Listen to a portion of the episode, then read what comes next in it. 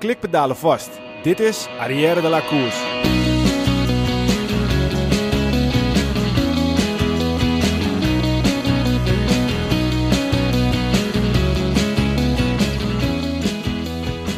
Het seizoen is voorbij, maar lullen over wielrennen blijft natuurlijk het allerleukste wat er is. Onze komende podcast gaan over te gekke wielerverhalen vertellen.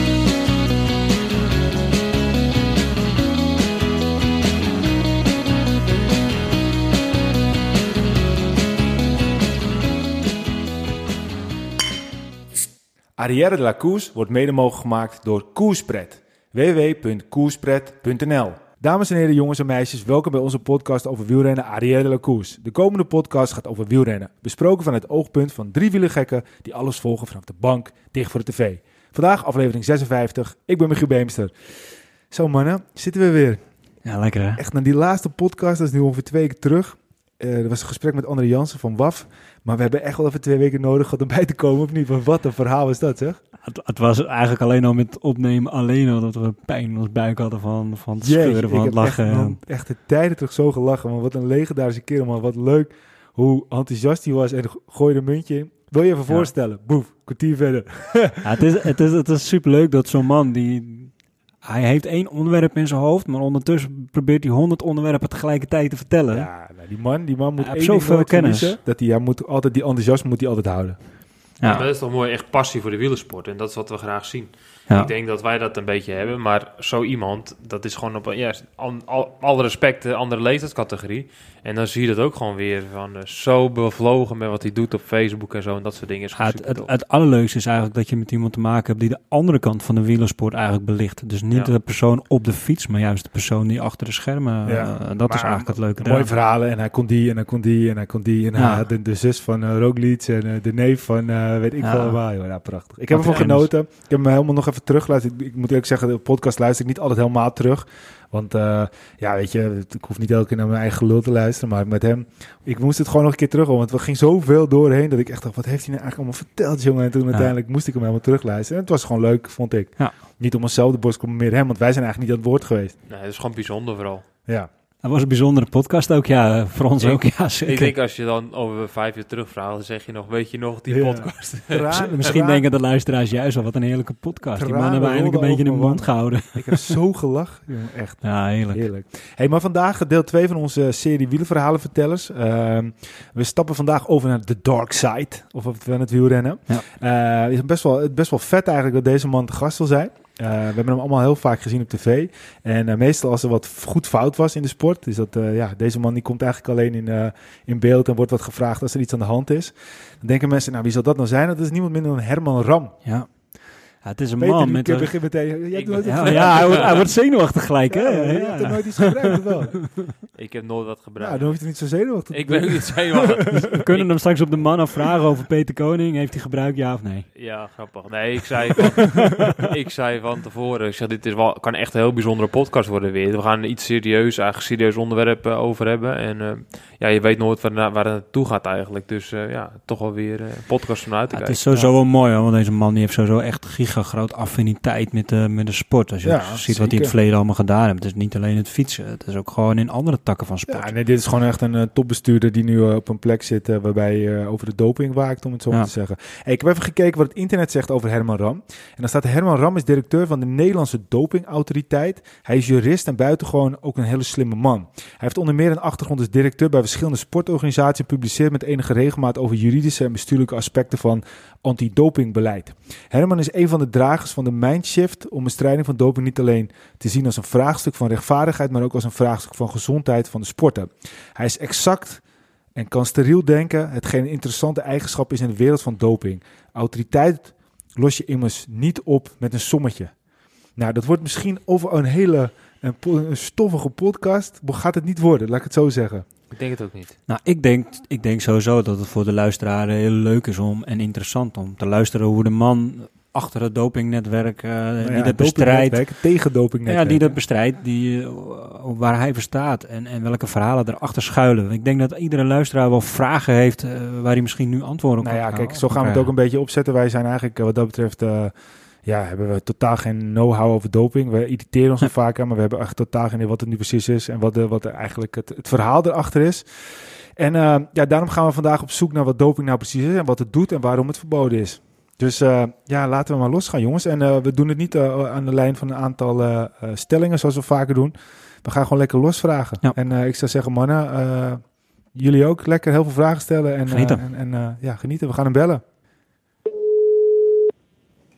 Met Herman. Goedenavond, meneer Ram. Uh, welkom in onze podcast Arielle La Cours. Uh, superleuk dat u uh, eventjes te gast wilde zijn om ons wat verder in te lichten over het hele dopingverhaal. We moeten ook eerlijk zijn, wij zijn wat dat betreft drie fanatieke sportliefhebbers en met name wielen. Maar we hebben echt totaal geen verstand van doping. We horen natuurlijk wel heel erg veel dingen ervan. En daarom vinden we het vooral heel leuk dat u eventjes de tijd wilt nemen om daar ons wat meer over te vertellen. Um, als eerste zijn we heel erg benieuwd. Uh, nou, u, heeft natuurlijk uh, uw, uh, uw, baan bij de doping, antidoping. Ehm, hoe komt u daar nou precies zo terecht? Oh, voor ik hier bij de dopingautoriteit kwam werken, was ik directeur van een aantal sportbonden. Ik zat toen 14 jaar ongeveer in de sport. Ik had bij drie verschillende bonden gewerkt. En toen kon ik de overstap maken naar de antidopingwereld. En dat is nu inmiddels weer bijna 15 jaar geleden. En, en waar, waarom de, u, kon de overstap maken en uh, u komt zelf dan uit het, uit sportwezen, de sportbonden. En waarom dan een, waarom, wat is dan de uitdaging aan om voor, een, uh, om voor die baan te kiezen? Ja, in eerste instantie was dat eigenlijk vooral een management uh, aspect. Er waren toen twee antidopingorganisaties in Nederland. En dat was wel wat veel voor zo'n klein land. Um, die moesten fuseren. En ik ben eigenlijk alleen maar in eerste instantie gekomen omdat ik die fusie moest afmaken. En ik verwachtte na een paar jaar weer, eh, weer weg te zijn. Uh, het onderwerp interesseerde me wel, maar ik had niet gedacht dat het heel lang zou blijven. Maar uiteindelijk ben ik dus toch heel lang gebleven, omdat het een uitermate boeiend onderwerp is. Ja, en kijk, en u bent voor ons een bekend gezicht, want u wordt regelmatig geïnterviewd als eigenlijk als, als het iets fout is gegaan, om het zo maar te zeggen. Als er iemand dus met zijn vinger in, in, in, de verkeerde potten heeft gesnoept. vindt, u dat soms, vindt u dat soms vervelend of vindt u dat iets dat, wat er gewoon bij hoort? Nou, dat hoort er inderdaad gewoon bij. Ik heb in het begin besloten dat ik de woordvoering zou doen voor de organisatie. Ehm, ten eerste omdat ik toen vond dat de organisatie een gezicht moest hebben, duidelijker moest zijn. En ten tweede, ja, het luistert nogal nauw. Ehm, en dan doe ik het liever zelf. Als ik dan een fout maak, heb ik het in ieder geval zelf gedaan. Uh, het is gewoon onderdeel van, van de baan die ik heb. En uh, dat vind ik over het algemeen prima. Ja, ja. Nou ja, goed, en daarom bent u ook wat dat betreft toch daarin uh, bekend geworden. Omdat u elke keer als er wat gebeurt, wordt u, wordt u wel iets gevraagd. Uh, zoals ik net al schetste, kijk, wij zijn de wielren, Peter is een oud wielrenner, dus de, die, uh, die, ik hoop niet dat u, zijn naam kent, want dan is het foute boel. Maar uh, daar zou u geen uitspraak over, maar, over doen, dus dat gaan we ook niet doen. Maar helemaal Peter heeft nooit gebruikt, dus dat, dat zit helemaal goed. Maar Peter is dan wat, die weet wat meer, die heeft ook natuurlijk alle de whereabouts en dat soort dingen moeten invullen. En Wilco en ik, nou ja, wij hebben eigenlijk totaal geen idee van wat, wat doping nu precies kan doen voor het lichaam. En eigenlijk is dan misschien wel de beste vraag om mee te starten, waarom is doping nou doping? Ja, um, er is een dopinglijst. Wat dat betreft is het simpel. Wat erop staat op die lijst, dat is doping. Wat er niet op staat, is het niet. Maar dan is de vervolgvraag natuurlijk, hoe komt het op die lijst? Um, en in principe zijn er dan drie criteria waar naar gekeken wordt. Uh, kan het gebruik van de stof de prestatie bevorderen? Dat hoeft niet bewezen te zijn, maar of het theoretisch kan. Kan het de gezondheid schaden? Um, en de derde is een hele lastige. Dat is past het wel bij de sport? Is het in de geest van de sport? En dat laatste criterium is natuurlijk heel erg vaag. Dus het gaat eigenlijk om de eerste twee. Ja, dus u bedoelt eigenlijk te zeggen, stel uh, laten we de groeihormonen pakken. Stel een groeihormoon, het zou niet bevorderlijk zijn voor de wielersport. Het zou wel bevorderlijk kunnen zijn voor de atletiek. Dan zou het wel in de wielersport uh, gebruikt mogen worden, maar niet in de atletiek. Nee, en zo werkt het nou juist helemaal niet. Want de dopinglijst geldt voor alle sporten over de hele wereld. Er is maar één dopinglijst. Vroeger was het inderdaad zo dat het wielrennen een heel andere lijst kon hebben dan, eh, dan bijvoorbeeld de atletiek. Of je zegt het maar. Maar al sinds uh, 1999 is er nog maar één lijst. Uh, die geldt voor alle sporten. Dus de vraag is nooit aan een bepaalde sport gebonden. Het gaat er gewoon om of het in zijn algemeenheid kan werken en of het in zijn algemeenheid de gezondheid kan schaden. Kijk, dat schept al wel een heleboel uh, duidelijk, zeg maar. Ja, precies. precies. En, en, eh, en als je dan bij spreken, uh, de, de, ene doping is, is niet de andere doping. Um, kijk, wat ik me wel eens afvraag, misschien is het ook wel een lastige vraag voor u, maar u zou hem beter kunnen beantwoorden dan iemand anders, denk ik. Van, wat is dan een, een percentage wat eventueel een sporter beter kan worden doordat hij doping gebruikt? Ja, dat is heel erg wisselend. Um, en hangt het bovendien vanaf naar welke, welke groep sporters je kijkt. Um, want bij een topsporter die echt al volledig getraind is, die alles goed doet, goede rust, goede voeding, noem maar op. Um, is eigenlijk al alles bereikt wat er met het natuurlijk lichaam kan. En dan helpt doping nog steeds. Maar het is eigenlijk maar een paar procent over het algemeen. Uh, terwijl een, uh, een, niet getrainde amateur, zal ik maar even zeggen, die, die eigenlijk helemaal nog niet het beste uit zijn lichaam maakt, met doping een, een grotere prestatieverbetering kan krijgen. Maar over het algemeen spreek je over een paar procent. Uh, de beste middelen, als optimaal gebruikt worden, zitten op 5 tot 7 procent prestatieverbetering. Tja, ja, ja, en als je die vijf, ja, inderdaad, dat is dan ook net het stapje wat het verschil maakt tussen misschien vaak winnen en verliezen. Uh, dus ja, dat, dat lijkt me best wel veel hoor, 5, 5 procent. Ja, dat is dus echt de, de, meest gunstige situatie. Over het algemeen gaat het om minder, maar ja, in de topsport gaat het ook om kleine verschillen natuurlijk. Uh, het is niet zo, we zeggen altijd, je kunt van een ezel geen renpaard maken. Uh, doping verandert echt niet een, uh, een slechte sporter in een goede sporter. Maar het kan net wel het verschil maken aan de meet. En, en daar gaat het uiteindelijk toch vaak om. Ja, ja nee, de laatste procentjes inderdaad. En, en, en stel een amateur uh, die zou hetzelfde programma gaan volgen. Zou dat effect bij een amateur dan groter zijn? Of zou het effect bij een amateur dan, dan wel minder zijn? Omdat het lichaam daar natuurlijk niet voor gebouwd is. Nou, dat, dat effect zou groter kunnen zijn. Overigens, de amateurs zijn over het algemeen natuurlijk ook uitstekend getraind. Wat dat betreft maakt het niet zo ontzettend veel uit. Waar het uiteindelijk toch vooral om gaat, is, is wordt doping in, in laat ik zeggen, zijn beste, beste vorm en op de beste manier gebruikt. Ja. En dat is eigenlijk zelden het geval. Uh, bovendien is doping een, een, heel groot begrip. Er staan heel veel stoffen, honderden stoffen op de dopinglijst. En die hebben allemaal een andere werking. Uh, dus je kunt eigenlijk niet zo makkelijk over doping in zijn algemeenheid praten. Nee, nee. nee dat, dat, dat lijkt me ook heel lastig. Want uh, er zijn natuurlijk heel veel producten en, en, en op een gegeven moment heel veel middelen, eh, producten, stoffen, die worden op een gegeven moment ontdekt. Gebeurt het ook dat een bepaald product op een gegeven moment op de lijst komt te staan, maar dat het product toch doorontwikkelt, waardoor het product weer een nieuwe uh, wending krijgt en, en, dat dat dan toch wel... Oh ja, dat, dat, dat gebeurt voortdurend. Um, kijk, de meeste, de meeste stoffen op de lijst zijn medicijnen of zijn medicijnen geweest. Uh, daarnaast staan er overigens ook drugs op, zoals cocaïne en, en cannabis en nog wat, uh, wat andere. Maar over het algemeen gaat het om stoffen die als medicijn ontwikkeld zijn. En de industrie gaat gewoon door. Hè. De stoffen worden ook meestal helemaal niet ontwikkeld als doping, maar om hopelijk in de medische wereld een, uh, een nut te hebben. Ja. Maar blijken dan ook een, een, een, laat ik zeggen, een bijgebruik te kunnen hebben. En, en dan komt het vervolgens in de sport terug.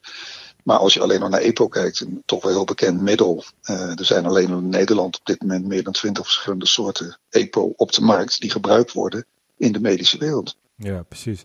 En, en uh, als u dit zo verhaal vertelt, dan, dan is eigenlijk meteen een vraag die bij mij boven komt. Kijk, uh, in de sport er gaat natuurlijk heel veel geld om, dus er is veel belang. Er is ook een, groot belang om te winnen. Ik bedoel, uh, winnen is over het algemeen goed voor veel commercie en dus ook gewoon veel geld. Um, is er dan ook een soort van, ja, misschien is het niet helemaal een goede, goede woord, maar een wapenwetloop gaande. Waarbij bij wijze van spreken de, de, de valspelers zoveel geld tot hun beschikking hebben dat ze continu kunnen innoveren en nieuwe dingen kunnen bedenken? Of is er zoveel uh, op een bepaald moment ook waarde bij de, bij de dopingautoriteit dat die dat wel aan kan en ook eigenlijk onderzoek kan blijven doen en daar ook in kan blijven innoveren? Um, ten eerste, doping beperkt zich zeker niet tot, tot sporten waarin goed verdiend wordt. Hoor. Sterker nog, uh, doping komt vaker voor in amateursporten dan in beroepssporten. Dus, dus het besluit om doping te nemen ligt daar eigenlijk niet aan. Maar het is zonder meer zo dat hoe meer geld je beschikbaar hebt, hoe intelligenter en professioneler je uiteindelijk je doping kunt gebruiken. Uh, en daar is zeker wel een soort wedloop. Alleen het gat tussen, ik zal maar zeggen, de, de renner die probeert ons voor te blijven en de antidopingwereld die probeert om het op te sporen, is in de loop der jaren wel steeds kleiner geworden. Om allerlei redenen. En dat betekent dat er zeker nog steeds middelen gebruikt kunnen worden, uh, waar wij bijvoorbeeld nog niet eerder mee te maken hebben gehad. Maar tegenwoordig staan ze altijd al op de lijst voordat ze voor het eerst eigenlijk opduiken. Uh, en dat was vroeger andersom. Ja. Dus het gat is kleiner, maar het is er natuurlijk op zich nog wel. Ik kan nooit precies weten wat, uh, wat voor nieuws iemand bedenkt. Um, tot wij het de eerste keer zien. Ja, precies. En, en kijk, uh, op een gegeven moment worden middelen natuurlijk ook, uh, lijkt me dat, dat het gevonden wordt. Voor mij we hebben het ook wel eens over het cinetische EPO in het wielrennen gehad. Dat het uiteindelijk met een test in, met, met terugwerkende, kracht nog, terugwerkende kracht nog werd gevonden. Um, hoe, hoe werkt het dan precies als een renner, bij wijze van we gaan het nu even over, op, op het wielrennen in dan, maar een renner heeft van spreken twee jaar geleden iets gebruikt. Toen konden ze dat nog niet testen. Nu kan het wel getest worden hoe vaak gebeurt het dan dat hij met terugwerkende kracht nog, nog wordt gepakt in zo'n geval? Nou, dat neemt de laatste tijd wel toe. Um, en dat komt omdat het echt grootschalig bewaren van, uh, van urine en bloedstalen, dat is eigenlijk pas de, de laatste jaren echt standaard geworden. Uh, kijk, bijvoorbeeld de Olympische Spelen en ook de Tour de France, die bewaart de stalen al heel erg lang. Uh, uh, voor nou, tegenwoordig tien jaar, dat is een beetje de standaard. Maar in heel veel andere sporten en in, in lagere niveaus is dat eigenlijk pas, nou, de laatste vier, vijf jaar is dat echt opgekomen. Um, en dat betekent dat het langzamerhand nu interessant wordt om terug te kijken. Je moet je voorstellen dat ongeveer elke vijf jaar um, bijna alle apparatuur in een dopinglaboratorium vervangen wordt. Ja. Door een modernere generatie die over het algemeen nauwkeuriger is dan de vorige generatie. Dus ongeveer elke vijf jaar maak je over het algemeen stappen in wat je kan vinden. Uh, en dus wacht je over het algemeen ook zoveel jaar uh, voor je opnieuw gaat kijken. Dat kan soms sneller als je een bepaalde stof zoekt en juist daarin is de vooruitgang geboekt. Dan kun je dat uiteraard al eerder doen. Maar over het algemeen wachten we vijf jaar of langer voor we opnieuw gaan kijken. En dat gebeurt op dit moment uh, in toenemende mate. En, en, wat, wat zou je dan zelf uh, een, een goede tijd vinden om terug te kijken? Stel, u zegt vijf jaar, maar dat, stel, er zou iets nog zelfs langer terug kunnen. Vindt u dan dat dat altijd nog gecheckt zou moeten worden? Of vindt u ook dan... Nee, oh, nee, nee, nee. Tien jaar is het maximum, want, uh, okay. want dan, uh, dan vervalt gewoon eigenlijk het recht op vervolging. Uh, dat is de verjaringstermijn in dopingzaken. En dus heeft het ook geen zin om urinestalen en bloedstalen langer dan tien jaar te bewaren. Dan heb je ze wel, maar je kunt er toch niks meer mee. Ze worden overigens vaak nog wel wat langer bewaard voor wetenschappelijke doeleinden, maar dan is het niet meer om een overtreding op te sporen. En die tien jaar is een, wat mij betreft een prima periode. Dat was vroeger acht jaar, het is al verlengd naar tien jaar. Okay dat is dus eigenlijk de, de tijd die we terugkijken. Oké, okay, oké. Okay. U zegt, zegt net dat er heel veel bloedstalen en urinestalen worden verzameld. Hè? Is het dan niet soms zoeken naar speld en hooiberg? Als er dan ja, renner dus op een gegeven moment verdacht wordt, ja, dan ga je terugzoeken. Maar ja, er zouden misschien renners die niet verdacht zijn, uh, worden die samples ook nog weer hertest. Ja, net kijk, uiteindelijk heb je, um, en dat is voor de hele wereld zo, maar één keer de mogelijkheid om een euro uit te geven. Dus je moet uiteindelijk altijd wel kiezen. We hebben een, uiteindelijk een beperkt budget. Het is nog een heel behoorlijk budget, denk ik. Maar je zou natuurlijk altijd meer willen dan je kunt. En dat betekent natuurlijk dat je wel probeert te wegen in het risico of te wegen in de kans dat iets daadwerkelijk wat oplevert. Um, dat betekent dus ook dat een gemiddelde wielrenner vaker uh, gecontroleerd wordt dan de gemiddelde, laat ik zeggen, cricketer. Um, omdat in de loop der jaren wel duidelijk is geworden dat, um, dat de kans dat je in het wielrennen wat aantreft een stuk groter is dan in het cricket. Uh, bovendien kijk je dan tegenwoordig steeds vaker op basis van atletenpaspoorten. Kijk je natuurlijk ook naar een individuele renner. En als bijvoorbeeld in zo'n atletenpaspoort uh, opvallende dingen, rare schommelingen voorkomen. Ja, dan belonen we dat door uh, een intensieve controleprogramma. Ja, ja want hoe, um, om, om dan toch even door te gaan op de, wat, wat Peter net vraagt. hebben jullie dan ook een bepaald criterium hoe jullie wielrenners gaan controleren? Ik bedoel, uh, zijn er renners die bijvoorbeeld al vaker gecontroleerd worden dan andere renners? Of wordt daar geen onderscheid in gemaakt en heeft iedereen hetzelfde programma en, en is dat een soort van computer gestuurd die bepaalt wanneer gecontroleerd wordt, ja of nee?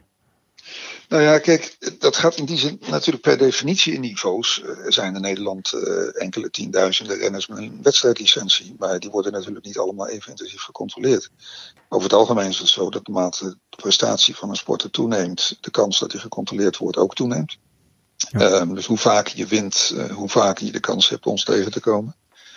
Um, en dat wordt onder andere zo gedaan omdat de, de hoogste groep, zal ik maar zeggen, dat noemen wij de testingpool, die krijgen van ons eigenlijk um, een, een, een, speciale behandeling. Die moeten bijvoorbeeld ook whereabouts aanleveren, wat voor het overgrote deel van de renners natuurlijk niet het geval is. Maar Er is een, een aantal, met name natuurlijk de beroepsrenners aan de top, die, die wel whereabouts moeten aanleveren. En dat is de groep die ook verreweg het meeste gecontroleerd wordt. Ja. Sowieso als je whereabouts aanlevert, nou dan word je over het algemeen toch minimaal vijf keer per jaar gecontroleerd. En vaak meer. En voor een deel is dat overigens inderdaad toeval, omdat binnen wedstrijdverband er over het algemeen gelood wordt. Ook daar kunnen we op naam controleren, maar meestal wordt er gecontroleerd op basis van een lotingsschema. En dan weet je dus niet van tevoren wie eruit komt. Ja. Ja, en kijk, uh, u bent waarschijnlijk zelf ook best wel, u komt uit de sport, dus u bent uh, waarschijnlijk ook wel een volger van de sport, als ik het zo goed inschat. Dat, dat klopt, ja, zeker. Ja, houdt, houdt, u, houdt u ook van wielrennen? nou ja, wielrennen is natuurlijk. Ik moet altijd een beetje voorzichtig zijn. Maar, maar wielrennen is natuurlijk een van de sporten waar ik uh, toch ook altijd wel met een professioneel oog naar kijk. Uh, het, is, het is gewoon waar dat het wielrennen, wat mij betreft, uh, niet, niet meer helemaal alleen maar een sport is waar ik graag naar kijk. Maar ik kijk er altijd nog wel een klein beetje met het oog van, uh, van de dopingautoriteit. Ja, dat is eigenlijk net, net, net, de vraag die ik wil stellen. Dus u kijkt daar toch niet helemaal met een open blik naar. U heeft er toch een.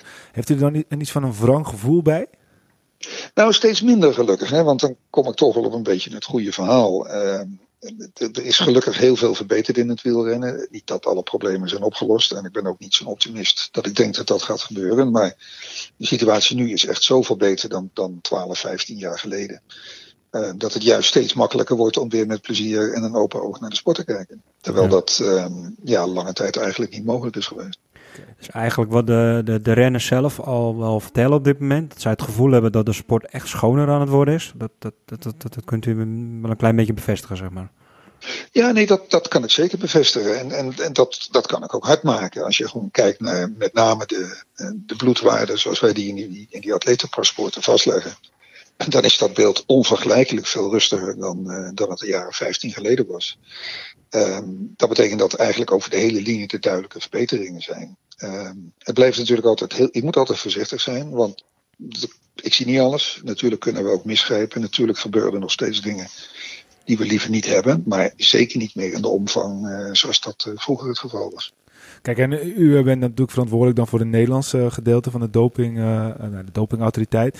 Is, is, neem ik aan ook veel samenwerking met andere landen. Klopt dat? Ja, juist heel veel, want, want um, alles in dit vak wordt eigenlijk internationaal benaderd. De regels die worden dus sowieso uh, internationaal vastgelegd en gelden over de hele wereld. De dopinglijst gaf ik al aan, die, die is eigenlijk voor alle sporten en over alle landen hetzelfde. Um, maar eigenlijk ook net zo belangrijk. Um, alle onderzoeken die kunnen heel erg internationaal zijn. Zeker bij wielrennen. De top die, die uh, koerst uiteraard in meerdere landen, zeker in Europa, maar vaak ook nog te buiten. En dat betekent dat alle gegevens van alle controles die overal worden uh, uitgevoerd, die worden bij elkaar gevoegd in één database. En zo kom je uiteindelijk tot een beeld van een, van een renner. en al die onderzoeken, die doen wij dus een hele nauwe samenwerking ik, ik zie veel van mijn collega's, ja, tegenwoordig door corona natuurlijk een stuk minder. Maar die zie ik uh, zeker een aantal malen per jaar. En we hebben soms wel wekelijks of dagelijks contact over bepaalde, bepaalde problemen en bepaalde zaken. Ja, kijk, uh, u kent natuurlijk ook uh, de, de documentaire Vast Icarus, uh, waar het onder andere over wielrennen gaat. Dat is natuurlijk een heel lange verhaal daarna vastgekomen over de, het Russische dopingagentschap of de dopingorganisatie. Daar hoeven we het natuurlijk niet verder over te hebben. Maar, maar heeft u, hoe, hoe, hoe, hoe, hoe moeten wij dat dan precies zien? Heeft u nu het gevoel dat er in de hele wereld echt overal goed op doping wordt getest? Of is er gewoon in sommige gedeeltes van de wereld nog niet dat niveau wat, wat u haalt in Nederland? Oh, er zijn, er zijn nog steeds jammer genoeg uh, grote verschillen. Uh, die tegelijkertijd een beetje worden opgelost. Uh, dat ga ik proberen uit te leggen. Kijk, in een land als Malawi of Burundi, ik noemde maar een paar, moet je niet denken dat daar een hele actieve en, en van een groot budget voorziene antidopingorganisatie bestaat. Zo werkt dat niet. Maar in de, in de derde wereldlanden, de ontwikkelingslanden, um, is over het algemeen ook heel weinig sprake van grote sportevenementen en een echte topsportinfrastructuur. Dus daar waar, waar, sport groter is, waar sport belangrijk wordt en waar de prestaties geleverd worden, daar zit bijna ook altijd het geld. En waar het geld zit, kun je ook weer een antidopingorganisatie opbouwen. Dus het is eigenlijk zo dat in de meeste landen, niet allemaal overigens, maar de meeste landen die sportief gezien uh, echt meedraaien, uh, in die landen is intussen het antidopingbeleid op een redelijk niveau.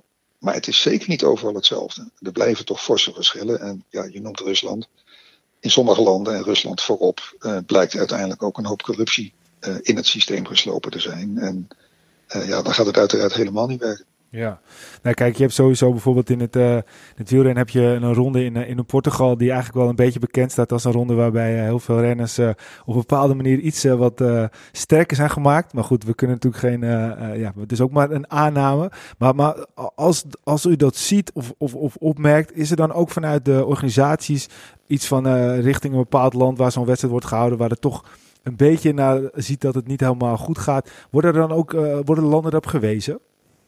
Ja, alleen het gaat niet rechtstreeks van de ene antidopingorganisatie naar de andere. Dat is eigenlijk de taak van het Wereld Antidopingagentschap. Dat is de organisatie die ons allemaal uh, als het ware in de gaten houdt, die ook de regels uh, afvaardigt, maar die ook toetst of antidopingorganisaties hun werk goed doen. Um, en het is hun taak om te kijken of er uh, dingen misgaan of onvoldoende worden uitgevoerd. En dat gebeurt ook heel intensief. Ook wij in Nederland hebben nog maar een maand geleden een, uh, wat wij noemen een auditbezoek gehad, waar WADA, ik mag wel zeggen, extreem gedetailleerd uh, toetst of wij uh, alle regels volgen, of alle normen in acht worden genomen en of wij ons werk helemaal doen zoals we dat moeten doen. En dat kan elk land gebeuren. Ook, je noemt Portugal, maar ik denk dat er nog wel landen met grotere problemen zijn dan Portugal. Daarmee trek je het niet recht, want um, uiteindelijk het budget is toch vaak heel erg bepalend. Um, en bovendien, laten we eerlijk zijn, in een aantal landen in de wereld heeft men echt wel andere problemen dan, uh, dan de dopingproblematiek. Um, als je in Syrië woont of in Haiti, dan uh, is dat niet een wereld waar dat het eerste probleem is.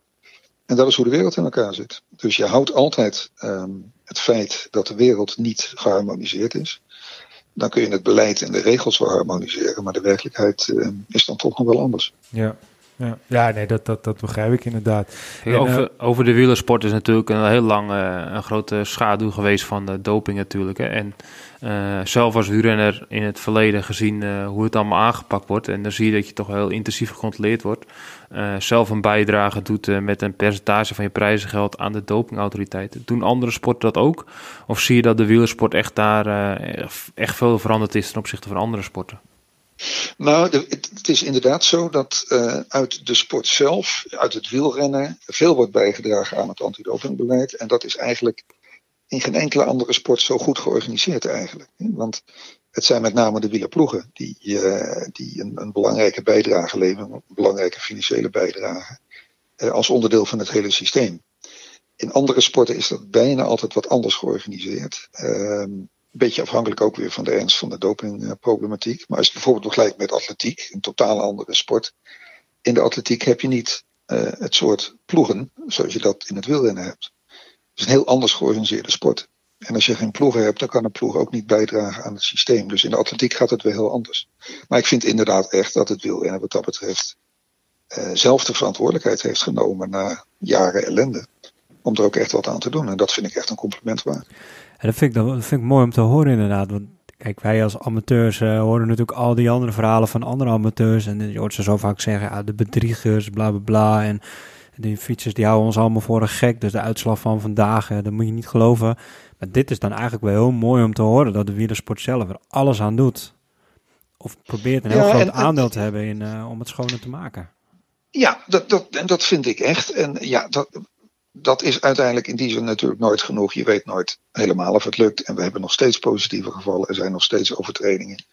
En ik zei net al, ik geloof ook niet dat dat ooit helemaal ophoudt. Maar het maakt nogal wat uit of het individuele renners zijn die uh, over de schreef gaan.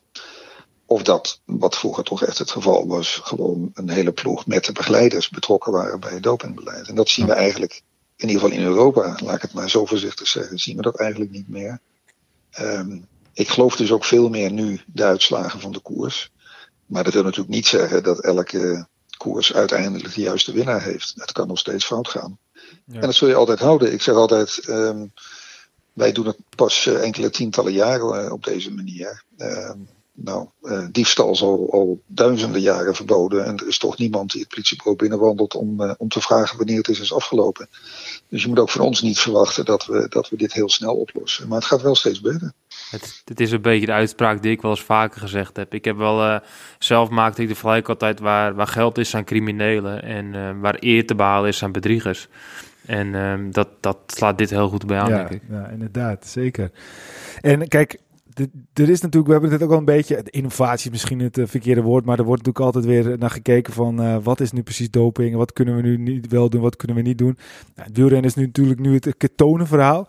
Um, is dat nou een, is dat een grijs gebied of is dat echt iets waarbij doping, uh, of de, de, dopingorganisatie gewoon zegt, nou dat is gewoon iets dat mag en daar, daar, dat is gewoon vrij om te gebruiken? Nou ja, ik, um, aan de ene kant is het weer heel simpel. Het staat op de lijst of niet. Nou, ketonen staan niet op de lijst, is dus geen doping en dus mag het. Wordt ook niet op gecontroleerd. En wij kijken er dus ook gewoon niet naar. Dat is het, het makkelijke verhaal. Maar in een aantal gevallen kan er best discussie zijn over of wij misschien toch denken dat het wel op de lijst zou moeten. Dat is een heel andere discussie. Um, en dan maken wij een inschatting. En dat betekent soms dat je jarenlange discussie hebt over bepaalde stoffen.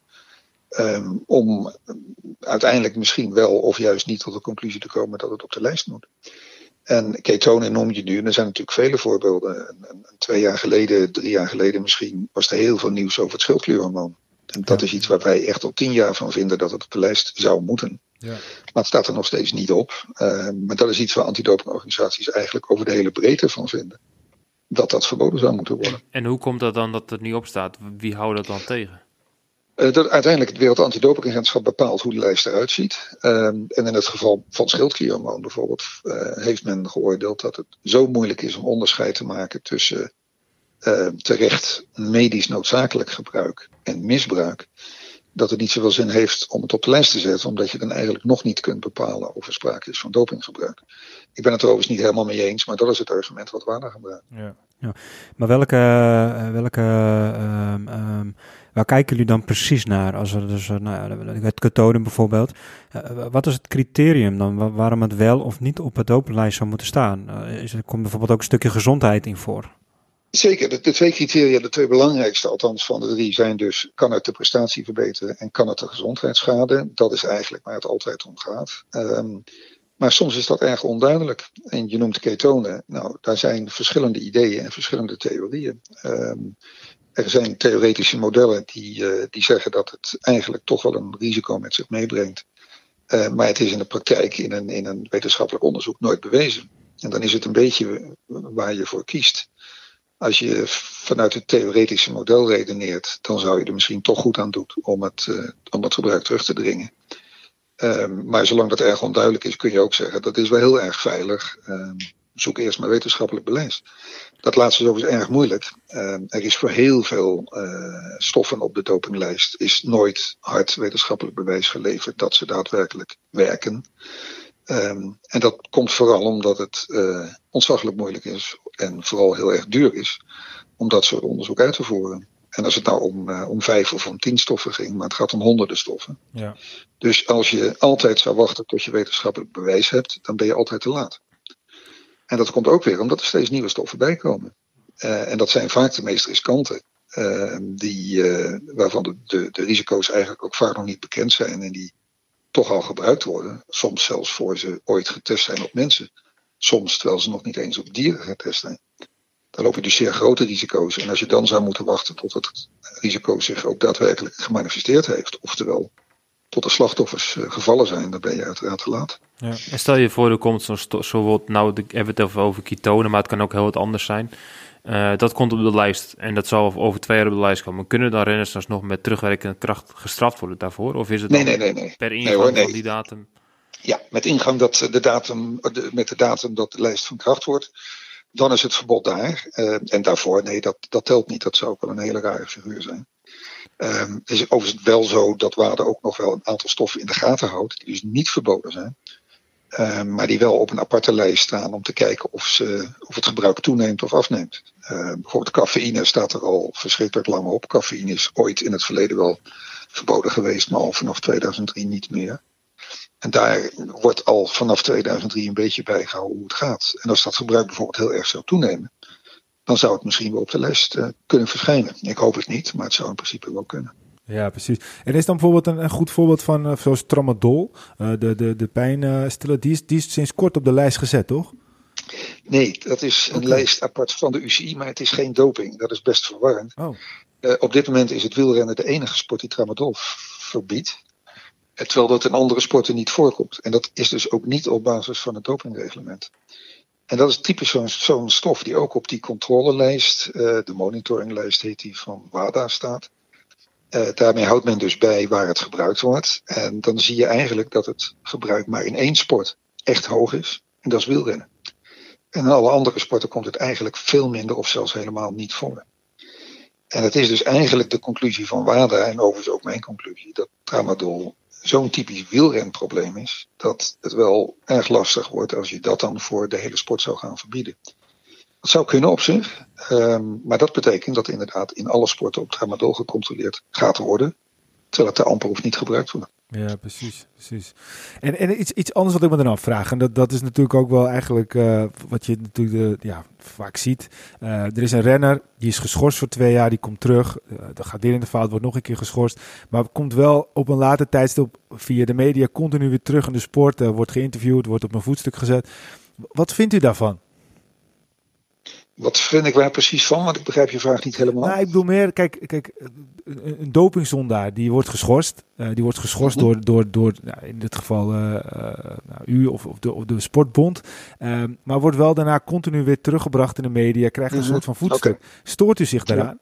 Ja. Nee, um, ik vind in principe als een, een, een renner zijn straf heeft uitgezeten, dus die twee jaar of die vier jaar of wat het dan ook geweest is, ja, dan mag hij weer gewoon koersen. Dan is hij weer gewoon vrij. Ik bedoel, dat, dat einde van een straf moet er altijd zijn. Um, vervolgens vind ik wel dat een aantal dingen dan ook niet meer kunnen. Uh, bijvoorbeeld, um, ik, vind, ik vind een uh, verering van zo'n sporter uh, met mooie prijzen. en zeker als het gaat om prijzen als de jaarlijkse Jaap Ede-prijs en dat soort dingen. Dat vind ik eerlijk gezegd niet kunnen. Als je één keer op die manier vals gespeeld hebt ja, dan kom je wat mij betreft niet meer in aanmerking voor dat soort uh, ereprijzen of oeuvreprijzen. Ja. Maar voor het overige, ja, klaar is klaar. Het kan niet zo zijn dat je, dat je twee jaar schorsing hebt, maar eigenlijk zes jaar of tien jaar of je hele leven gestraft wordt. Ja. Dat gebeurt in de praktijk toch al meer, maar dan door het publiek uh, of door de journalisten die dat vaak niet loslaten en het er nog heel lang over hebben. En, en, we hebben het ook eventjes over de maatstaf, twee jaar. Waar, waar, waar, zijn die, die, waar is dat gebaseerd? Waarom, waarom is een straf twee jaar of waarom is een straf soms één jaar? Of voor sommige vergrijpen is het zelfs soms minder dan een jaar. Waar, heeft dat mee te maken? Dat staat allemaal in het, in het dopingreglement. Uh, maar de belangrijkste twee standaardstraffen die er nu zijn, is vier jaar en twee jaar. En vier jaar is voor een opzettelijke uh, dopingovertreding. En dat betekent dat je echt de bedoeling hebt om vals te spelen. Of dat je een regel overtreedt waarvan je weet dat je er niet mag overtreden. Dat heet opzet. Dan krijg je normaal gesproken vier jaar. Als het niet opzettelijk is, dat betekent dat het meer in de sfeer zit van niet goed opletten. Uh, ik zal maar zeggen, dom zijn, slordig zijn, uh, maar niet echt de bedoeling om feitelijk vals te spelen. Dan is het twee jaar. En daaronder kun je nog komen op allerlei manieren, maar dan gaat het uiteindelijk echt over de, de mate van schuld en de mate van nalatigheid. En hangt het ook vaak van de stof af. Uh, er zijn stoffen waar een zwaardere uh, straf bij hoort dan bij andere uh, stoffen. En vanaf volgend jaar zijn er zelfs stoffen die een standaardmaat van drie maanden hebben. En dat zijn met name de drugs, dus cannabis, cocaïne, ecstasy. Okay. Die zullen dan een veel lagere straf krijgen dan ze op dit moment hebben. Ja. Ja, dus ja. een koelkast vol wordt natuurlijk zwaarder gestraft dan als je een biefstukje op je bord legt waar per ongeluk een stof in zit. Nee, maar er zit ook wel, er wordt dus gezegd eigenlijk dat als je het bewust doet, dat het dan vier jaar is. Maar ik, ik dacht in het verleden in het wielrennen dat het ook wel eens twee jaar is geweest, maar dat is misschien dan veranderd. Nou ja, dat is veranderd. Vanaf 2015 is die verandering in de strafmaat okay. doorgevoerd. Toen werd het vier jaar voor opzet en twee jaar voor niet opzet. Daarvoor was twee jaar de standaard. En kon het ook wel vier jaar zijn, maar dan moet je het echt heel erg bond gemaakt hebben. Ja. Uh, maar die straffen zijn inderdaad verzwaard. En overigens voor een groot deel op verzoek van de sporters. Het zijn vaak de sporters die om zwaardere straffen vragen. Ja, nou en, dit, uh... en, en zo'n celstraf bijvoorbeeld. Nou, uh, ja, misschien gaan we iets dichter met de zaak. Mijn oud ploegmaatje, uh, Oostenrijker, die is in de Oostenrijkse zaak natuurlijk nu ja, gepakt, zeg maar. Uh, ja, die heb eigenlijk ons hele team betrogen, mij inclusief mij. Dus ik heb daar zelf persoonlijk nog wel een beetje ja, ergernis aan. Maar die moest mhm. zelfs uh, voorkomen en uh, eventueel celstraf. kan dat in Nederland ja. ook? Of? Nee, dat kan in Nederland niet. Maar eigenlijk kom je dan op een, op, een, op een wat ander terrein. Want het dopingbeleid wat ik schets is het feitelijk het sportbeleid. Dat is hoe in de sport ermee omgegaan wordt. En vier jaar schorsing is een, is een sportstraf Je mag niet aan de sport meedoen. Voor de rest mag je alles, maar je mag niet aan de sport meedoen. Maar er zijn landen, en Oostenrijk is er één van, en overigens het aantal landen waar dat zoiets neemt toe, waar daarnaast nationaal ook nog strafrechtelijk naar doping gekeken wordt.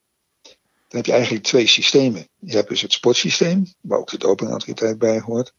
En daarnaast heb je het strafrechtelijk systeem. Dus eigenlijk is het de, de dopingautoriteit die dan vaststelt of ze wel of geen doping gebruikt hebben. En dat gaat naar de, in dat geval van de officier van justitie en die gaat dan een straf bepalen. Dat kan, dat kan, maar heel vaak zie je dat het uh, op een andere manier wordt vastgesteld. Want als het om dopingcontroles gaat, ja, dat doen alleen de antidopingorganisaties. Maar de Oostenrijkse zaak is uh, maar voor een heel klein deel gebaseerd op dopingcontroles. Maar vooral op inbeslagnames, invallen, uh, verhoren. Dat is gewoon puur strafrechtelijk opsporingsonderzoek gedaan. En daar heeft men toch een aantal dingen mogen vaststellen die bepaald niet op orde waren. En dat ingrijpen met het strafrecht, wat in Nederland dus niet mogelijk is, uh, de landen waar het wel kan, uh, is het toch vaak wel erg effectief. En het eerste land waar het kon was Frankrijk. En dat is natuurlijk ook niet zo gek, want de Tour de France was daar de directe aanleiding voor. Ja, ja inderdaad, ja. ja. Hey, wat ik wel, wat ik, ik wil eigenlijk even een compliment geven. U, bent natuurlijk uh, van de dopingautoriteit, maar als ik u zo, zo naar u luister, u bent ook echt een autoriteit. Als u ons ook met z'n drieën, u kunt dus dan niet zien, want we bellen. Als u, als u ons had kunnen zien zitten, dan zitten we hier als uh, net een schooljongen zegt aandachtig te luisteren. en ik vraag me eigenlijk één ding af. Um, zou het dan niet een heel goed idee zijn dat een beginnende sporter die zich gaat uh, manifesteren op uh, de topsportmarkt, of ja, u heeft ook gezegd wat het ook uh, gaat doen, dat, dat u eigenlijk een, een verhaal opneemt met alle mogelijkheden en onmogelijkheden als het gaat om doping. En dat, u, dat ze dat allemaal zouden moeten luisteren. Want ik zou, als ik u hoor, nooit meer doping gebruiken als ik eerlijk ben.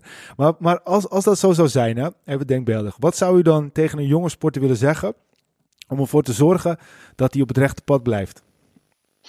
Nou, om te beginnen, voor ik dat laatste beantwoord, uh, dat bestaat allemaal al. Hè. Wij hebben voorlichtingsprogramma's uh, aan de ene kant in de vorm van echt voorlichtingsbijeenkomsten. Maar ook dat is door corona natuurlijk wat lastiger. Maar voor uh, de echte talenten, laat staan de toppers, proberen we toch zoveel mogelijk echt voorlichting te geven aan de mensen. Dat doe ik zelf niet. Er zijn voorlichters voor bij de dopingautoriteit. En daarnaast hebben we online uh, eigenlijk dezelfde informatie, maar dan in de vorm van een online cursus met een online examen. En dat is beschikbaar voor iedereen. En dat, dat wordt door, door vele honderden en uiteindelijk duizenden mensen wordt het ook daadwerkelijk gevolgd. En het is ook nog eens een keer opgebouwd in niveaus. Uh, voor een sporter is dat brons, zilver en goud. Het is niet verschrikkelijk origineel, maar zo hebben we dat genoemd. En naarmate je verder komt in je sportcarrière, ga je dus als het ware dieper in op de materie en, maak je uiteindelijk ook een zwaarder examen, moet je doen. Uh, wat ik zelf altijd zou zeggen is uh, dat, laat ik zeggen, je kunt praten over gezondheid en je kunt praten over dat mensen gepakt kunnen worden en dat kan allemaal afschrikken. Maar je moet er uiteindelijk toch niet van afschrikking hebben. Ik vind de essentiële vraag eigenlijk altijd, hoe wil je nou eigenlijk je sport beleven en je sport uitvoeren en misschien uiteindelijk hoe wil je nou het leven staan? Hoe wil je nou uiteindelijk naar jezelf kijken op het eind van je carrière en de rest van je leven? En dat is een beetje een lastige discussie, want de een vindt het wel best en de ander spreekt dat wel aan. Maar ik heb het veel liever over wat wil je nou eigenlijk met je sport? Um, dan dat ik dreig met, met, nou ja, de straffen die zouden kunnen volgen of de gezondheidsschade die je ook kan oplopen. Ja, ja nou kijk, uh, ja, Eigenlijk, eigenlijk is dit natuurlijk ook een heel mooi verhaal naar, naar sponsors, investeerders, et cetera. Ja, nee, precies. Ik, ik heb wel eens het gevoel, als ik dan naar een bepaalde renner kijk en die presteert heel goed en hij is heel jong. En, en ik zie wat hij dan allemaal om zich heen heeft. Grote auto, uh, dik horloge, nou, ga zo maar door. Dat sponsors, investeerders ook een bepaalde druk leggen bij een sporter. Waardoor een sporter heel snel geneigd is om dan toch uh, het foute pad op te gaan. Om dan uh, het te bewijzen. Om, om de sponsor een goede dienst te bewijzen. Nou ja, kijk, ik denk sowieso als je natuurlijk een beetje, een beetje die kant op neigt, dat je denkt van oké, okay, uh, moet ik niet eens een keer proberen, moet ik er dichterbij komen. In een, een verhaal uit het verleden was dat, uh, dat uh, Shane Davis had een foto van Venomars op zijn koelkast geplakt, omdat hij altijd wilde dat hij uiteindelijk Venomars zou gaan verslaan. Ik denk dat elke jonge sporter die wel eens een keertje denkt over, nou misschien moet ik, op, ik, moet ik toch een keer het gaan proberen, die moet gewoon een foto van Herman Rams op zijn koelkast plakken. dat hij elke keer denkt, oké, okay, nee, daar moet ik niet mee in de aarde komen, ik moet gewoon op het rechte pad blijven. Nou ja, qua fietsen zullen ze het altijd winnen dan. Dus dat is uh, makkelijk. Maar uh, nou ja, weet je, uh, de rol van de sponsor is op zich interessant. Maar daar zie je juist in het wielrennen denk ik iets, iets heel bijzonders over de afgelopen jaren. Want ehm, toen de, de, de dopingschandalen echt uit de hand begonnen te lopen. En dat was, nou ja, nu zo tien jaar geleden dat het echt heel erg hoog opliep. En dat eigenlijk het publiek er niet meer in geloofde, maar ook de sponsors er niet meer in geloofden. En bijvoorbeeld ook in Duitsland, de ARD besloot om uh, geen wielrennen meer uit te zenden. De Tour de France werd niet meer uitgezonden in Duitsland.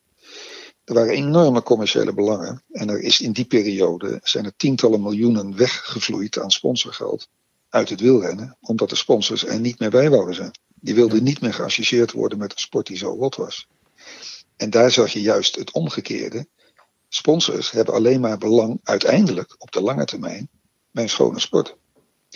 Um, en juist toen het heel erg fout ging met het wielrennen, toen was het toch een beetje erop of eronder.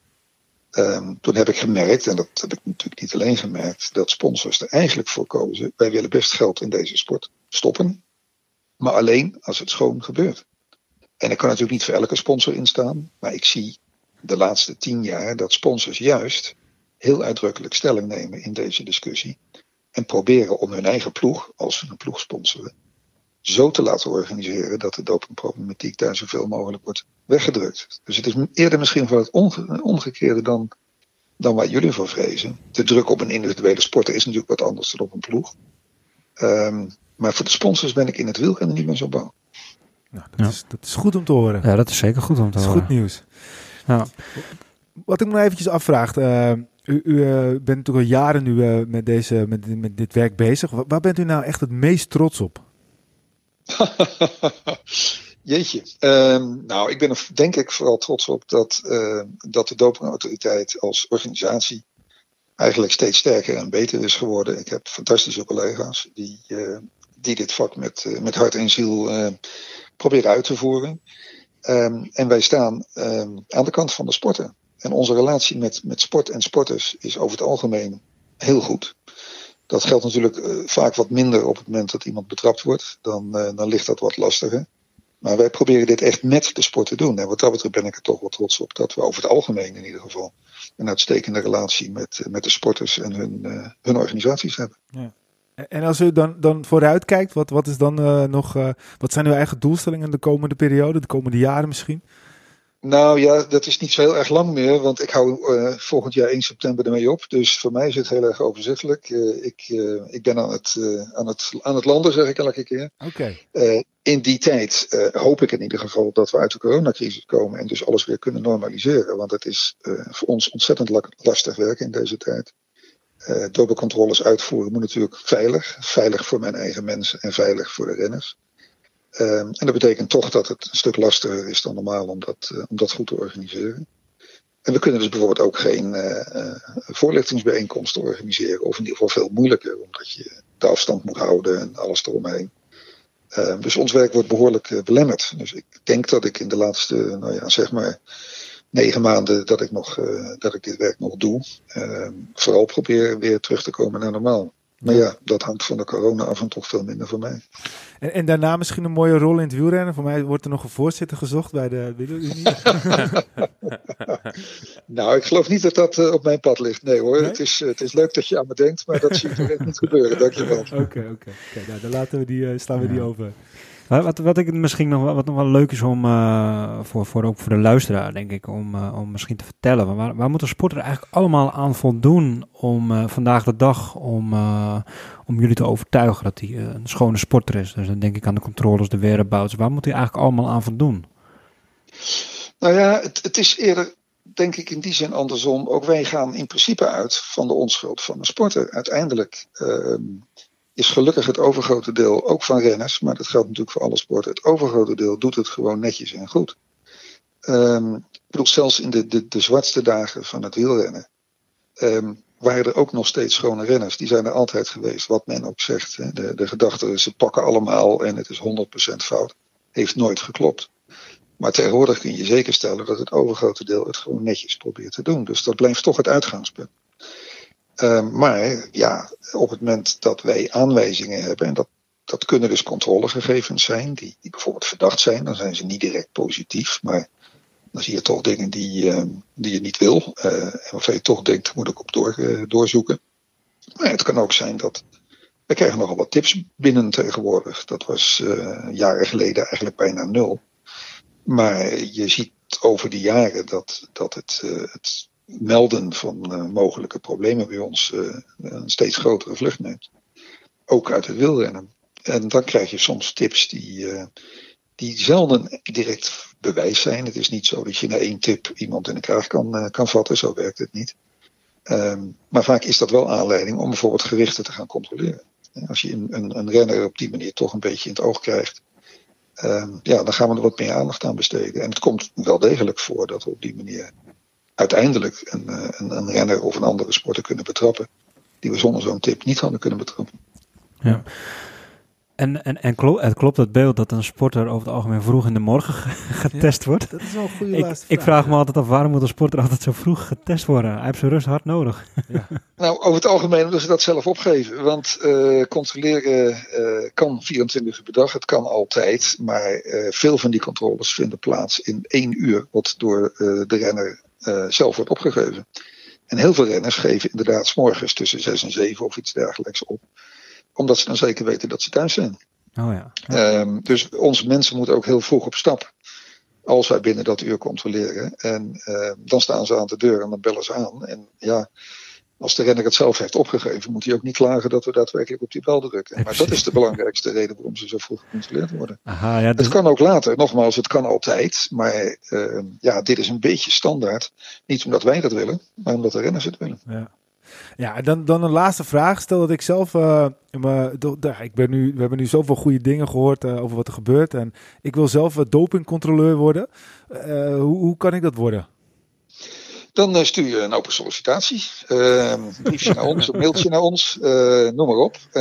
en dan, dan word je op een gegeven moment waarschijnlijk eerst bekeken, geselecteerd, uitgenodigd voor een gesprek. Um, en dan kun je uiteindelijk in de opleiding komen en geaccrediteerd worden als je goed genoeg bent. Maar je moet je wel voorstellen, wij krijgen veel open sollicitaties. Maar mensen onderschatten toch vaak hoe lastig het vak is. Want je moet aan de ene kant heel erg strak volgens regels en protocollen kunnen werken. We, we, doen niet zomaar wat, alles moet kloppen, elk vinkje moet gezet zijn, uh, elk onderdeel moet perfect zijn uitgevoerd. En tegelijkertijd moet je goed met mensen kunnen omgaan. Want je zit bijvoorbeeld met een renner na een wedstrijd en die renner heeft misschien wel verloren. Die heeft er geen zin in. Die wou alleen maar naar huis. Um, en die moet toch die controle ondergaan. En daar moet je wel mee om kunnen gaan. Maar als dat eigenschappen zijn die jij hebt, zou ik zeggen, solliciteer vooral. Dan gaan we kijken of we je kunnen gebruiken. Het is een mooi vak. Nou, dat, als we er dan ook een podcast over mogen maken, zou het misschien een win-win situatie zijn. Maar ik, uh, ik, ga, ik ga erover nadenken om u binnenkort even een mailtje te sturen. Ja, heel goed, mooi zo. nou, ik wil u sowieso echt uh, van harte bedanken voor uh, dit kleine uurtje waar, waar we even tijd, uw tijd mochten gebruiken. Ehm, ja, ik moet eerlijk zeggen, we hebben echt heel veel geleerd, denk ik. Kijk even naar Peter en Wilco. Ja, zeker. En, ja, zeker. Uh, nou ja, Peter, het is jammer dat je nu geen wielrenner, profielrenner bent. Anders had je het misschien nog uh, kunnen gebruiken. Maar goed, uh, jij hebt nooit ook gekke dingen gedaan. Dus ja, meneer Ram, hartstikke bedankt. Ik wil ook hierbij meteen heel veel succes wensen in uw carrière na de, de dopingautoriteit. En nou ja, goed, mocht er ooit een keer weer wat zijn rondom doping, mogen we u dan weer een keertje bellen? U vindt me weten, was prima. Dan bel je maar op. Hartstikke goed. Nou, hartstikke bedankt en het gaat u goed. Succes met de podcast. Dankjewel. Dankjewel. Dankjewel. Ja, jongens. Uh, we waren echt een beetje drie van die, van die, van die jochies die, uh, die bij, de, bij de hoofdmeester op, uh, op, op audiëntie moesten komen. Hè? Het is, ik heb Peter nooit zo aan horen praten. het, is, het is gewoon heel anders. Het is vorige week, de vorige podcast en nu is weer zo'n contrast. Eerst hebben we het eigenlijk alleen maar over fietsen en over andere leuke dingen. Nou zoeken we een beetje diepgang of een leuk verhaal. Ja. Nou, die diepgang hebben we nou al echt gekregen, denk ik. Ja. Het is een serieus onderwerp. Uh, ik denk dat hij het supergoed verwoord heeft. En dat hij ook echt gewoon supergoed is om het te verwoorden. En um, ja, ik had niet gedacht eigenlijk dat we zo lang, uh, zo, zo diep op de materie in konden ja. gaan. Ja, kijk, in realiteit, dit is eigenlijk het, het grootste onderwerp in het, in het fietsen. Kijk, een overwinning van een wielrenner is natuurlijk mooi, hè? maar het, het verhaal van het fietsen gaat natuurlijk altijd of, of, het, of het schoon is, of, het, uh, of de renner het wel echt gedaan heeft, of hij het eerlijk gedaan heeft. Ja, maar je hoort wel aan dat de wielersport wel echt gewoon... Nou ja, volgens mij krijgt de wielersport gewoon een gigantisch groot compliment. Ja, precies. Ik denk dus wel wat... wat ik, ik, denk, ik kan wel bevestigen wat hij zegt. Uh, ik ben natuurlijk beroepszender geworden in 2015. Ik heb eigenlijk tot dan uh, de Vuelta dat Defaneel dan won en uh, achteraf waarschijnlijk daar gebruikt heb. Uh, heb ik eigenlijk nooit wat gezien. Ook zelfs toen niet. Echt helemaal niks. Nee. En, en eerder dan in 2008, 2009, dat je 2010, dat je dan wat dingen zag voordat de no-needle policy kwam. Dat je dingetjes ziet van, nou ja, weet je, dat is een beetje gek en dat soort dingen. Maar ja. niet dat het doping was, maar dan vitamines en dat soort dingen. En dat is, dat is helemaal niet meer de laatste nee. tien jaar. En ja, dat, dat is alleen maar positief voor de wielersport. Ik moest ook de hele tijd uh, ook denken aan een uh, wijs man die uh, ooit tegen ons gezegd heeft geloof nooit de uitslag van vandaag. En de waarheid ligt altijd achter de streep. Ja. ja ik moet toch wel, naar dit verhaal, dan vind ik dat moeilijker om daar aan vast te houden. Want ja, kijk, uh, meneer Herman Ram die legt gewoon wel heel mooi uit dat het wel schoner wordt. Ja. En dat we de uitslag van vandaag misschien wel gewoon kunnen geloven. Nou ja, maar goed, maar sowieso, eh, weet je, buiten dat, uh, meneer Ram, of Herman Ram, nou, zeg gewoon meneer Ram, gewoon een, echt een fascinerende stem, kan het goed uitleggen. Het is gewoon eigenlijk doodzonde dat deze man straks verloren gaat voor de dopingautoriteit, want hij gaat wat anders doen. Maar ik vind het nog niet zo'n heel gek idee dat hij wielervoorzitter wordt. Misschien moeten we gewoon een soort van actie, Herman Ram van wielervoorzitter van de KMU. Ja, laten we er een nachtje over, slapen. Is toch Misschien moet jij nu gewoon voorzitter worden. ja, ja, ja, ja. sowieso ga jij een open sollicitatie sturen om uh, dopingcontroleur te worden. Ja, we kunnen dat proberen. Als ik dan misschien uh, komen bij al die renners, kunnen we een podcast opnemen. en je hoeft geen zorgen te maken dat je koffietekort hebt. Want ik denk ah, dat je genoeg koffie krijgt. Ja, maar we wel misschien op de dopinglijst cafeïne binnenkort. Ik had soms wel mee, mee te doen hoor, met die mensen. Dan, uh, ik had mijn tijd tot zelf, want Wilco stelde die vraag. Ik heb dat natuurlijk zelf vroeger ook gehad ik zet hem altijd tussen 6 en 7. Want dan wist ik gewoon, als ik uh, wakker word om 7 uur, dan is de bel gegaan of uh, ik word wakker. Ja, en dan kan ik gaan fietsen. Dus als ik, ik ging nooit trainen om 7 uur in Nederland, maar in Australië wel bijvoorbeeld. Ja, dan denk ik, oké, okay, het is mijn tijdslot is geweest van 6 tot 7. Uh, ik kan lekker weer naar buiten trainen, weet je wel. En ja. ik heb meegemaakt dat ik met de ploegmaatje was in Australië. En die had zijn tijdslot van, van half acht tot half negen. En uh, ja, we gingen 200 kilometer doen en het werd warm. Dus ja, we vertrokken om 7 uur, kwart over 7. En we waren 20 minuten onderweg en de telefoon ging. We staan voor je deur. Maar ja, wat, moet, wat gebeurt er dan? Dan moet je thuiskomen. Dus dan moet je zo snel mogelijk, binnen een uur, moet je de, daar komen. Of je moet zeggen waar je bent. En hij zegt, ik ben in, in de polder, wijze spreken hier. Dus dan is er niks. Maar als je midden in de stad bent, zeg je, oké, ik ben bij dit café of bij dit tankstation. Dan moet je daar wachten tot hun bij jou komen. Ja. Maar dan ben je toch een beetje een sukkel als je dat opgeeft. Dan, uh, was ja, dan ben je gewoon, ja, was het vergeten. Dus, uh, maar hij moest wel uh, volle bak sprinten. En hij heeft er vijf minuten of zo op het gehaald. Oh, ja. Als je dan buiten thuis loopt, dan krijg je een strijk. En als je dan een paar strijks hebt, dan uh, ben je dus ja. verdacht. Ik weet nog wel een herinnering toen wij naar de ridderronde gingen in Maastricht. Toen, uh, was het ook, toen moest je ook nog uh, je whereabouts invullen. Toen liep je ook een beetje mee te kloten, omdat het niet helemaal, het systeem was niet helemaal... Nee, het is het gewoon een achterhaald systeem. ik ben nog steeds voor, je moet eigenlijk gewoon een app hebben op je telefoon. Dat heb je ook. Maar je moet eigenlijk alles invullen. En als je één dingetje niet klopt, een postcode of een huisnummer, dat soort dingen, dan geeft hij al een foutmelding. Dus het is gewoon hele slechte app op dat gebied. Ik heb gewoon zoiets van, oké, okay, uh, zet die app aan, uh, doe maar live tracking, dat ze gewoon altijd kunnen volgen waar ik ben. Ja. Misschien is dat wel niet privacygevoelig, maar als sporter uh, heb ik dat wel voor over als ze dan de dopingcontrole beter wordt, dat die ja. gewoon altijd zien waar ik ben. Dan hoef ik niet meer te zeggen waar ik ben. En ja. dan zeggen ze, oké, okay, daar is hij, we gaan er even heen. Maar ja, dat is achterhaald. En ik weet niet meer, ik ben niet meer up-to-date of het vandaag beter is dan een paar jaar terug. Maar ik vond het vreselijk altijd. Maar ik had wel te doen wat ik zei. Ik had vaak do Duitse dopingcontroleurs. Dus die kwamen uit Duitsland, uit uh, Bremen of zo, of dat soort dingen. In Nederland? En in Nederland. En die kwamen dan om tien over zes ochtends kwamen ze me controleren. En dan vroeg ik wel eens gewoon uit grap van, uh, nou, hoe lang ben je onderweg geweest? Ja, we zijn 2,5 uur in de auto. Dus dat betekent dat die gewoon om drie uur, half Waarom vier... zouden er dan Duitsers hier? Nou ja, dat is van de, van de UCI. Die hebben dan de Wereld Antidoping Autoriteit, de WADA. En die zetten testers, uh, bijvoorbeeld uit Nederland, die komen Duitse mensen, komen dan testen hier in Nederland. Ja. Dus ja, die parkeerden de auto dan ook niet voor het huis nemen. Dan parkeerden ze een straat achter een andere straat, zodat je ze niet aan ziet komen. En dan gaan ze dus om het hoekje, dan komen ze snel voor bij de voordeur en bellen ze aan. Dat je niet snel naar boven kan rennen bijvoorbeeld. dus ja, dat is best wel... Uh, toen, ja, ik heb het een keer gehad in Australië. Toen uh, zat ik bij, uh, bij mijn ploegleider in huis. En ik zat daar een week. En ik stond op de longlist voor Toedan Under om de eerste World te doen. Maar de verplichting is dat je dan, voordat je daarheen mag, moet je binnen vier weken minimaal drie keer gecontroleerd zijn. En ik was nog nul keer gecontroleerd. Dus ik wist, in deze vier weken komen ze drie keer. En op een gegeven moment kwam ze met avondeten. En de vrouw van de ploegleider deed open. En uh, toen vroegen ze, uh, is Peter Koning er? Peter Koning, zegt ze, die ken ik helemaal niet. maar ik zat in dat huis. Maar ze was helemaal niet van, ja, die woont hier niet, weet je wel. Dat was een beetje flabbergasted. En dus toen de deur dicht. Ze zegt, ja, er waren twee mensen voor doping. Die zochten Peter Koning. En ik ben ik oh, toen snel naar de deur gesprint om die mensen nog met die jasjes te trekken. Dat is sorry, ja, ik uh, was even niet, uh, niet bij de les. Oh, ja, goed, ja de klachten van, van dat het zo vroeg is van wielrenners, dat komt natuurlijk. Eh, ze hebben zeven dagen in de week, zes dagen zijn ze paraat. En, en, en vaak komen ze natuurlijk dan net op die ene dag dat je het net niet hoopt natuurlijk. Hè. Ja, maar ja, je moet gewoon elke dag aan de slot doen. Als jij zegt van nou, ik ga lekker van uh, 9 uur s ochtends tot 10 uur s ochtends. Ja. en uh, je schoonmoeder belt of wil je even helpen. En, en, je loopt naar buiten en je bent twee tellen weg. En ze staan er en je neemt niet op, je doet er niet open. Ja, dan heb je een strijk. Dus dat wil je ook niet. En uh, als avonds, sommige renners zeggen, ah, doe ik het om 9 uur tot, tot 10 uur s avonds. Maar ja, ik zeg van ja, wie, misschien ga ik om 9 uur nog een keer de hond uitlaten. Of uh, ja, precies. ben ik een podcast aan het doen en uh, het ging even niet lekker. En, het zou wat zijn als ze nu live tijdens de podcast binnenkomen, toch? Nou, dat had al had gekund, zeker, ja. ja, Want dat is dus, je hebt dus whereabout, dus dan moeten ze binnen je thuis komen, maar je hebt ook nog dat ze gewoon rennen kunnen komen. En dan, als je dan niet bent, dan krijg je geen strijk. Dus dan kun je bijvoorbeeld zeggen van, uh, dan denken ze dat je thuis bent bijvoorbeeld en dan komen ze daar gewoon langs. En dan zit je in Australië. dan zit je in Australië, dat gebeurt dus. Ik heb wel gehad dat ik dus niet thuis was en dat ze dan vroeg waar ik was en dan gaan ze gewoon en dan gaan ze naar een ander. Ja, ja, ja. Maar ik, ik heb ook gehad dat mijn thuis dat van 6 tot 7 was. En dan komen ze om half acht of zo. en dan zijn ze net, ja, maar dan zijn ze dan net bij een andere renner geweest in het Holland. Uh, Nicky Terpstra, Abraham Sinkeldam of weet je wat, dat soort jongens.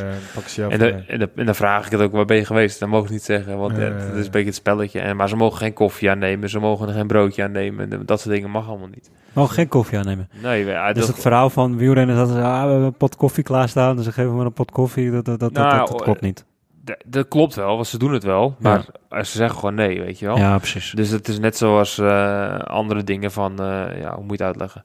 Als je iets zegt, ja, dat mag niet. En dan toch doe je het. Dus uh, ik, ik, noem maar wat van een voorbeeldje. je bent aan het trainen. je bent instructeur van een sportschool bijvoorbeeld. En je gaat zelf meetrainen met de sporters, dat mag wel, maar je mag niet voor de klas staan. Dus dan zeg je, ja, ik ga vandaag trainen, jullie mogen me allemaal volgen. En, eh, terwijl het eigenlijk dan een soort van verkapte eh, trainer is. En dat is zelden met dit. Dus je mag geen koffie geven, maar toch pakken ze dan, weet je wel. Ja, ik snap het, ja. Ah, jongens, ik heb in ieder geval heel veel geleerd. En ik uh, vond het een uh, heel mooi verhaal. Ik heb uh, aandachtig zitten te luisteren. En ik denk ook dat het voor onze luisteraars, zowel uit zowel Nederland als België, gewoon leuke informatie was. Ja, zeker. We proberen weer, wat ik eerder gezegd heb, leuke verhalen. En iets wat nog niet veel besproken is in podcast. En ik denk dat dit alweer zo'n verhaal is uh, ja, wat we nog niet veel gehoord hebben. Zeker. Wilco, laatste woord? Ik vond het een, uh, een mooie, leerzame podcast. Ja, ik heb ook echt dingen geleerd. Peter? Ja, ik vond het leuk. Goed. Op naar de volgende. Op naar de volgende, op naar het volgende wielervertellersverhaal. Ja. Wieler verhalen, uit vertellers. De, uit de onverwachte hoek. Nou, we hebben, ja, we hebben weer een mooi verhaal. Ja, zeker. Dus ja, dat is ook weer, ja, uh, we gaan ernaar op zoek. Als iemand nog een keer een suggestie hebt. Maar het zijn, het zijn ook gasten die, uh, die je niet verwacht. Dat is het leuke. Ja. Ja, maar dat vind ik denk wat we reacties die we krijgen, is zijn wel mensen, oh, dat hebben we niet verwacht. En dat zal met vorige keer met de WAF. Met André. We krijgen echt reacties van mensen van, nou, dat is echt een leuke aflevering, want die verwacht niet wat je, wat je kan verwachten. Nee, nee, dat hadden we zeker niet verwacht. En dat is nu zo, dat was denk ik met deze podcast weer zo. En ik denk bijna zeker dat de volgende podcast weer zo is. Ja, ja. Dat denk ik ook, dat denk ik ook.